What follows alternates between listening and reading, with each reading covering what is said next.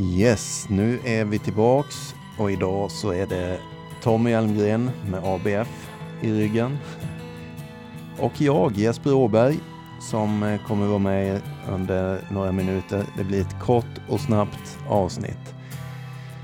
Välkomna till eh, Två fyllon och en sanning. All this talk of getting old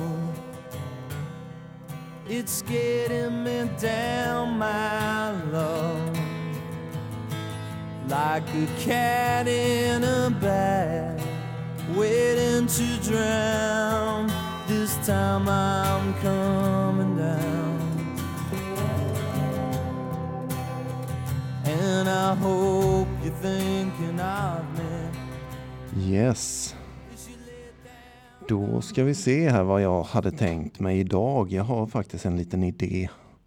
Freddy kunde inte, Danne kunde inte. Då får man ju rycka in som vanligt som pappan i den här podden. Den enda pålitliga av oss alla. eh, jag tycker ju att det är lite svårt dock att spela in själv, det ska ju sägas. Men jag tänker göra mitt bästa, även denna gång. Jag fick faktiskt en påminnelse häromdagen. Alltså en påminnelse om mitt eget liv egentligen. Alltså före och efter höll jag på att säga. Jag fick en påminnelse om hur det var verkligen. Och hur det nu är. Alltså, jag kan gå tillbaks i tiden och tänka på fragment eller stunder, minnen. Eh, om vi börjar i någon ände liksom. Slagsmål, bråk, utslängd från krogen, driva omkring, kanske inte ha någonstans att bo. Jag hade en adress där jag kunde ha mina möbler, men eh, jag var aldrig där. Kronofogden, jag var fast i det, snurren liksom. Och skulder upp över öronen, både till privatpersoner och till företag. En del var ju inte lika trevliga att ha skulder till, som kanske bankar på ens dörr mitt i natten och ska ha betalt och så vidare. Sådana där grejer, när man tänker på det, fan, vidrigt alltså. Vilket jävla skitliv det var. Och ändå sitta fast i det där ekorrhjulet och bara snurra vidare i det där. Och så kanske då dyker den här tanken upp att nu ska jag söka hjälp. Och så gör man inte det. Utan man eh, kanske duschar och äter lite och håller sig nykter i några dagar. Och sen så kommer den där tanken igen. Ja, men nu är det dags. Och så vidare och så vidare. Vi brukar tjata om det här i den här podden. Men vad jag menar, eller vad jag också försöker säga i det här är vikten av att när en missbrukare faktiskt vill ha hjälp, då är det lite bråttom, brukar jag säga. När den ber om hjälp, då är det det bästa som kan hända det är att den får hjälp med en gång. Så fort som möjligt, inom 24 timmar brukar jag säga. För alltid går det liksom inte att lösa på en minut. Men så tidigt som möjligt. För att det som hände mig och alla missbrukare jag har pratat med i alla fall. Det är att efter en tid när jag har bett om hjälp och inte får hjälp. Då kommer den där tanken. Nej men, fan. Så farligt var det inte. Nu, nu tar jag något igen. här. Och sen bara pågår livet så här. Man kanske vill ha hjälp men man kanske inte ens vågar be om det. Man säger det till någon polare eller man säger det till fel person som inte förstår att det är bråttom exempelvis. Eller förstår att det här är på allvar. Jag vill bara trycka på lite sådana punkter idag att tänka på liksom. När en missbrukare behöver hjälp och ber om hjälp rättare sagt. Behöver är många som behöver. Men det handlar om den som vill ha hjälp. Det är stor skillnad. Jag brukar säga om tolvstegsprogrammet att det är ett program till för de som vill ha det, inte till de som behöver det. Det är samma grej där. Så är det ju. Det är bara att titta ut. Det är många som behöver hjälp med många saker, men det är inte alla som vill. I alla fall. Jobbar vi med detta? Lever vi med någon? Känner vi någon som känner någon som har uttryckt det här, jag vill ha hjälp? Snälla, tänk efter en gång då att det kanske är nu det är dags. Inte om tre veckor när jag har funderat på hur ska jag hjälpa den här. Utan finns där, var där, om man inte har kunskap om det, men då kan man åtminstone googla sig fram eller ta reda på och ringa någon som kanske kan. Så man får lite handfasta tips och sådär. Bra att tänka på, tänker jag, inför dagens avsnitt. Jag får upp fick också upp minnen. Det här var alltså, jag var på ett tolvstegsmöte häromdagen och eh, det var då, det var en som var på sitt allra första möte. Och, och då blir det så påtagligt hur någon, hur man dras tillbaks i tiden. Det är ju kanske 18 år sedan jag var på mitt första möte. Och att dras tillbaks i tiden då och känna hur var det för mig när jag gick på mitt första möte. Vilket skick var jag i? Var befann jag mig i livet? Då hade jag en bostad som jag hade fått på prov av socialtjänsten. Det kallas provlägenhet eller något sånt då. Där de har nyckel till den 24-7. De kan gå in och kolla så att allt är i ordning och jag sköter mig. Jag var tvungen att lämna eh, drogtester varje vecka, en gång i veckan. Skulle det visa positivt på det, då ryker lägenheten. Så är jag hemlös. Så var det. Det var också så att jag, som jag sa förut, jag var fast i Kronofogdens hjul. Och eh, det tog några år in i min nykterhet att betala av allt det där. När jag dessutom hade gjort det och var skuldfri så att säga. Då är det tre år kvar hos Kronofogden. Där man måste förbli skuldfri innan den här spärren försvinner. Och det, det påminde jag mig om häromdagen. Då. Alltså, jag var 30 år gammal när jag fick ta ut en egen telefon för första gången på väldigt många år. Då hade jag varit nykter i många år. Och att gå, nu sitter inte jag själv ömka, det kanske låter så, men att gå och vara nykter år efter år, kämpa med det, hjälpa andra, eh, vara sponsor kanske eller sådana grejer. Och gå på möten, gå på möten, fixa ett jobb, en bostad, fixa de här pissproverna. Det var ju fläckfritt men ändå så, ja vad blir det då? åtta år in i nykterheten tog det innan jag fick ta en egen telefon. Den, eh, den eh, kändes, kan jag säga, alltså omyndigförklarad. Nykter, drogfri, sköter mig, hjälper alla möjliga så mycket jag bara kunde. Alltså. Superengagerad i tolvstegsrörelsen, startade ungdomsgrupper, allt möjligt. Men jag får inte plocka ut en telefon. Och eh, då, där, där och då hände det verkligen att jag själv ömkade om det ibland. På kvällarna kanske. Jag kan inte bara plocka ut en eh, platt TV hur som helst. Nej, men alltså det var lite skam i det givetvis. Skammen dök upp. Och man inser liksom, fan vad jag har ställt till det för mig. Det är bara mitt eget fel. Det är ingen annans.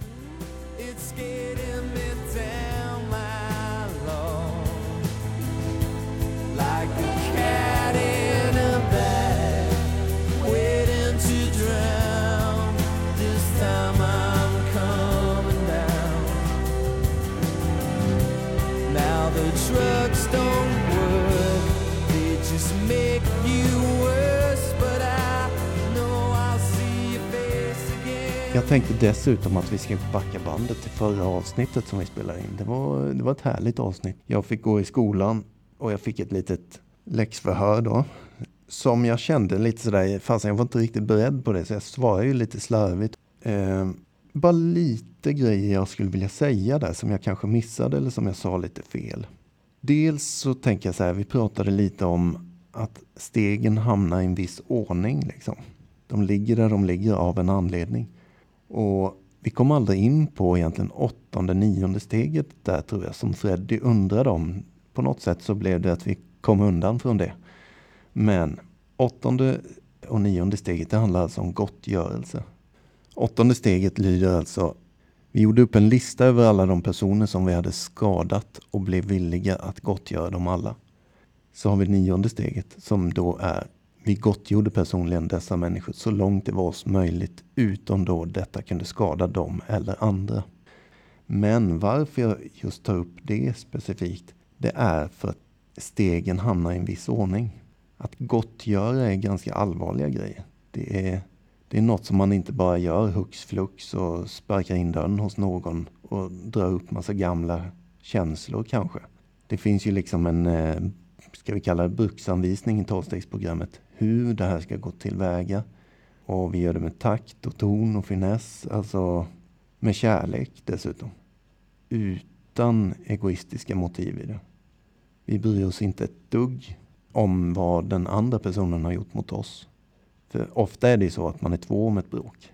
Det är inte bara jag som har gjort fel. Men i tolvstegsprogrammet så är det bara mig vi fokuserar på. Vad har jag gjort? Vi kan inte komma dit och säga du, jag vill be om ursäkt för det här och det här och det här. Men det var ju faktiskt så att du gjorde så här mot mig. Nej, nej, nej. Där backar vi och biter oss i tungan. Vi är där för att städa upp vår sida av trädgården. Sen lämnar vi det andra till Gud om vi så vill eller till den andra personen.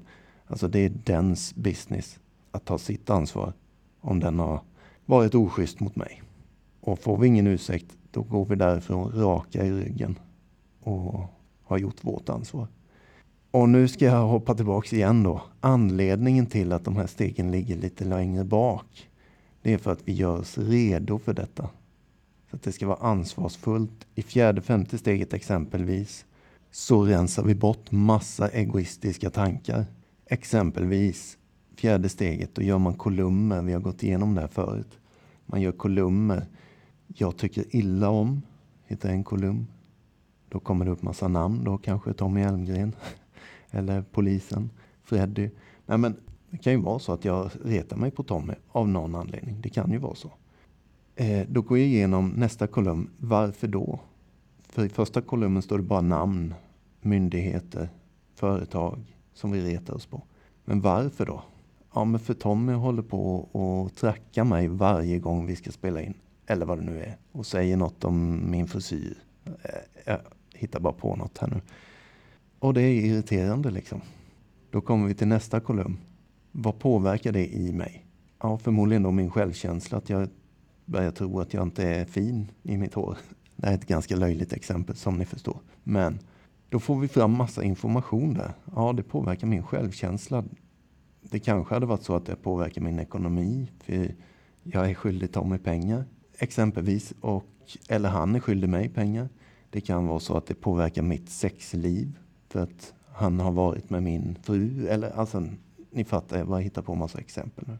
Men det är ganska mycket som är påverkat inom mig. Känsliga saker, allvarliga grejer. Som gör att livet blir inte så skönt.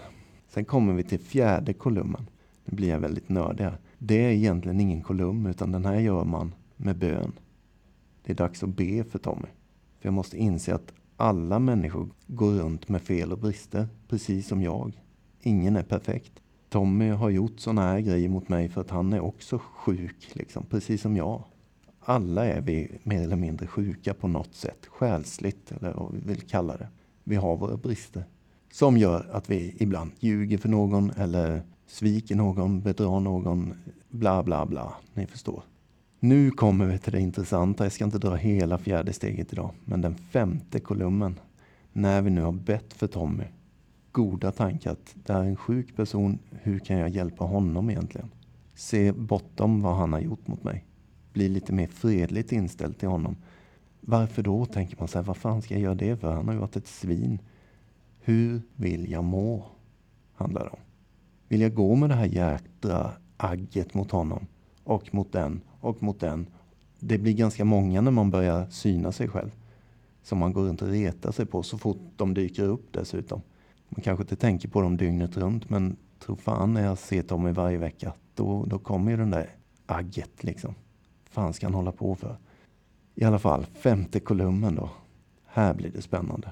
Här kommer vi till något som de flesta missbrukare aldrig har sysslat med. Vad har jag gjort mot Tommy?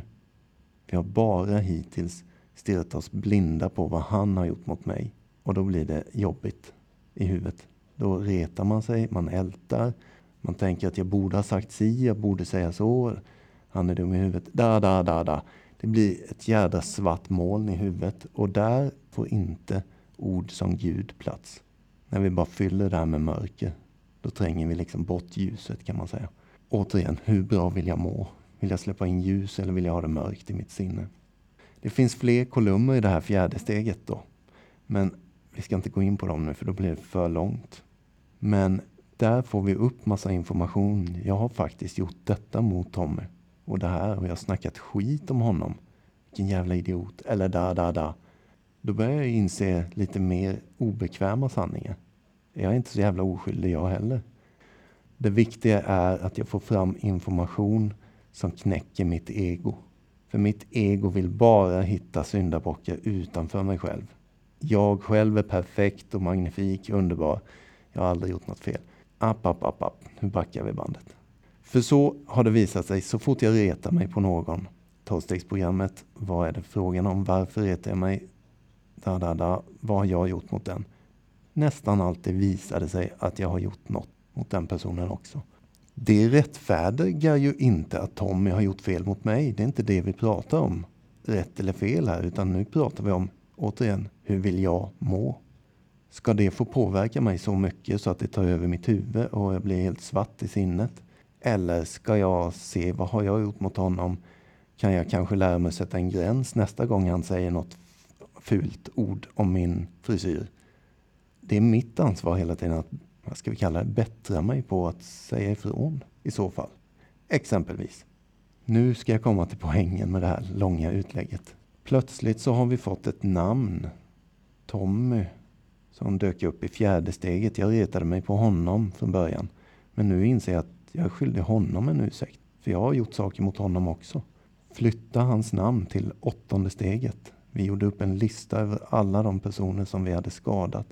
Nionde steget. Vi gottgjorde personligen dessa människor så långt det var oss möjligt utom då det kunde skada dem eller andra. Vi ska städa upp på vår sida trädgården. Vi skiter i om Tommy ber om ursäkt tillbaks eller inte. Det fina är om man läser innantill exempelvis i den här bruksanvisningen som heter tolvstegsprogrammet så står det att i nio fall, tror jag det står, nio fall av tio så kommer det alltid en ursäkt tillbaks. Och det är min erfarenhet också. Att när man har gjort ett nionde steg så är det nästintill alla har faktiskt haft något mot mig också att be om ursäkt för. Och det blir oftast en eh, reunion eller fredligt, eh, en kram liksom. Och vänner som försvann i mitt missbruk den här sista tiden som jag pratade om förut. Jag var rätt så ensam. Vänner börjar komma tillbaks helt plötsligt. Jag börjar få tillbaks min respekt och det är väl så det funkar egentligen med skuld och skam brukar vi prata om.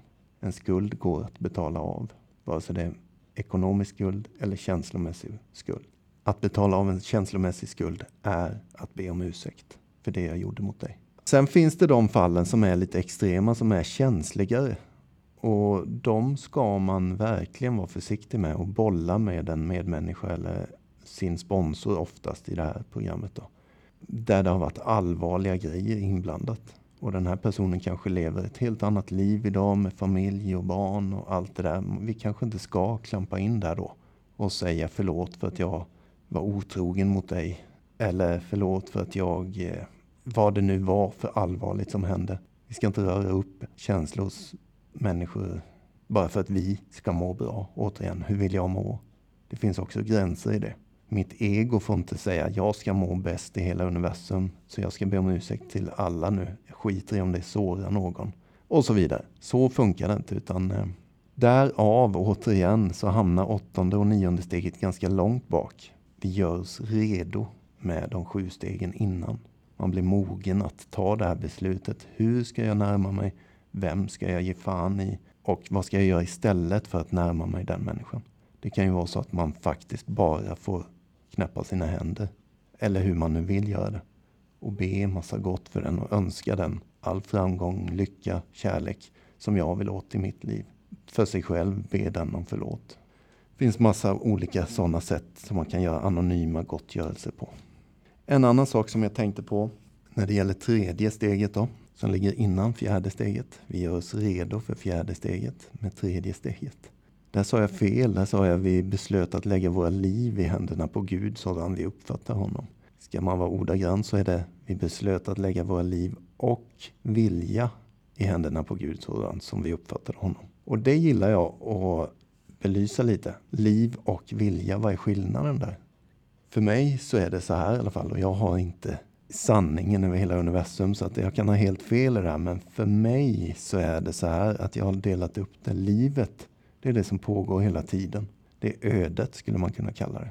Det är enklast för mig. Ödet bara pågår hela tiden så länge jag lever.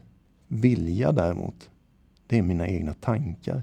Där fattar jag beslut vad jag ska göra med mitt öde härnäst. Nu vill jag gå höger, nu vill jag gå vänster, nu vill jag krama om den här personen, nu vill jag prata med den och så vidare. Så att eh, viljan, alltså mina tankar, den, de kan jag ju styra lite så. Varje dag, varje sekund egentligen. Och om vi då tar det och översätter det till att lämna över min vilja i händerna på Gud, sådan som jag uppfattar Gud. Då måste jag ju först och främst ha en Gud så som jag uppfattar Gud. Och det har jag pratat om i podden. För mig handlar det om kärlek. Att rikta sig åt kärlek. Att exempelvis då med min vilja idag då gå till jobbet och jag ska jobba med den kollegan och den kollegan kanske jag vet om. På morgonen i bilen gör jag oftast det i bilen. Jag tar mitt dagliga beslut. Jag lägger över mitt liv och min vilja i händerna på Gud så som jag uppfattar honom. Alltså kärlek. Låt mina handlingar, mina tankar, min vilja styras av dig, kärlek eller Gud. Låt mina handlingar genomsyras av ärlighet, godhet, ödmjukhet, förlåtelse, förståelse, tålamod, tillit, respekt, hänsyn. Alla de här kärleksfulla begreppen som vi har. Låt min dag styras av det och jag ska försöka hålla mig till det också. Det blir givetvis lättare om jag tar ett sådant beslut varje morgon. Att ställa in siktet lite brukar jag säga på den här dagen. Sen kan det vara så att 20 minuter senare så går det någon, cyklade någon rakt ut i trafiken och jag får tvärnita. Och då är inte kärlek där direkt, kanske. Utan då vurpar jag direkt och skriker något. Vilken jävla idiot exempelvis. Och det är helt okej, okay. vi är människor. Så blir det ibland. Men det kanske också blir tvärtom. Att jag snarare är inställd på det. Förlåt den här människan. Den cyklar rakt ut i trafiken nu. Bra att jag tvärnitade. Vi kan ju göra så här, vi kan hålla oss i de här tankarna så mycket vi kan varje dag och man kan ta ett dagligt beslut hur många gånger man vill per dag. Exempelvis igen vid övergångsstället 20 minuter senare får man lugna sig och fortsätta till jobbet. Jag tror i alla fall att mitt liv blir lite skönare om jag försöker göra så åtminstone. Förut så sket jag fullständigt i sånt. Jag hade inte en tanke på det. Och som jag började dagens avsnitt med. Hur såg mitt liv ut för 18 år sedan? Kronofogden. Jag fick inte ens plocka ut en telefon. Det blev slagsmål, jag drev omkring. Jag gick till SOS och bad om pengar. Jag blir utslängd från krogen. Mina vänner försvinner mer och mer. Allt det där skiten. För då, då levde jag absolut inte med sådana här tankar att jag kanske ska försöka välja kärlek idag. Utan då var de flesta idioter. Punkt. Och sen var det mörkt i mitt sinne för den har gjort så mot mig och den har varit elak. Och den har ja, varit med min tjej eller da, da, da, svartsjuka, ångest, hat, ilska i mitt huvud varje dag. Självmordstankar. Apropå att påminna mig själv om hur var det en gång i tiden och hur är det nu. Mitt liv är fyllt med massa grejer idag. Det kommer problem och det kommer lösningar och det kommer nya problem och nya lösningar hela tiden. Men jag har blivit bättre på att navigera. Liksom. Jag har fått ett recept som vi brukar säga, som funkar. Jag har aldrig svikit. Däremot har jag svikit receptet många gånger. Eller som man brukar säga, frågan är inte hur Gud är mot mig, utan hur är jag mot Gud? Om man nu vill plocka in det ordet. Det om det. Jag tänkte avsluta lite granna med eh, sinnesrobönen faktiskt. Den kom till mig ganska tidigt i behandling. En bön som satt på väggen i de där rummen. Den satt på tolvstegsgruppernas rum överallt och den avslutar varenda tolvstegsmöte i hela världen, den här bönen. Alltså Gud ger mig sinnesro att acceptera det jag inte kan förändra. Mod att förändra det jag kan och förstånd att inse skillnaden. Jag tänker klyva den lite grann idag. Gud ger mig sinnesro. Jag vill ha lite ro i mitt sinne så att jag kan tänka lite klarare. För när det bara är ilska, hat, svartsjuka, da, da, da, jag retar mig på Tommy, Freddy, då är det inte sinnesro. Eller när jag är påtänd som ett höghus liksom. Jag ber om lite sinnesro för att kunna acceptera det jag inte kan förändra. Och det jag inte kan förändra, det är Tommy, Freddy, polisen, alla myndigheter, socialtjänsten och kärringen som sitter där, systemet. Det jag kan förändra är mig själv. Mod att förändra det jag kan. Mina egna känslor inför allt det här. Mina känslor inför idioten Tommy som är skyldig mig så mycket pengar. Eller vad det nu är. Modet att se vad har jag gjort mot honom. Kan jag förändra någonting där? Och förståndet att inse den skillnaden. Jag kan inte förändra honom, men jag kan förändra mig. Nej, men, och jag tänkte faktiskt avsluta lite här med alltså något av det bästa som finns i mitt liv idag. Det var bra förut också, men det är fan tusen resor bättre på nykter kaliber. Det är där ordet kärlek igen. Jag pratar ju ofta om kärlek som ett andligt redskap, men det finns ju också den här kärleken till människor. Alltså när man eh, vaknar på morgonen och inte kan sluta tänka på specifika personer. Det är bland det finaste som finns i livet. Att få uppleva det med sina äkta känslor, sina riktiga känslor. Det är fint. Tack för idag.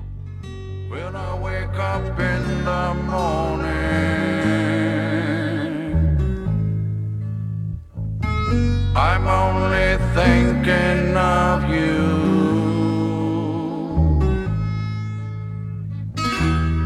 How I'm waiting for this evening when I will let you know how I love you, how I need you,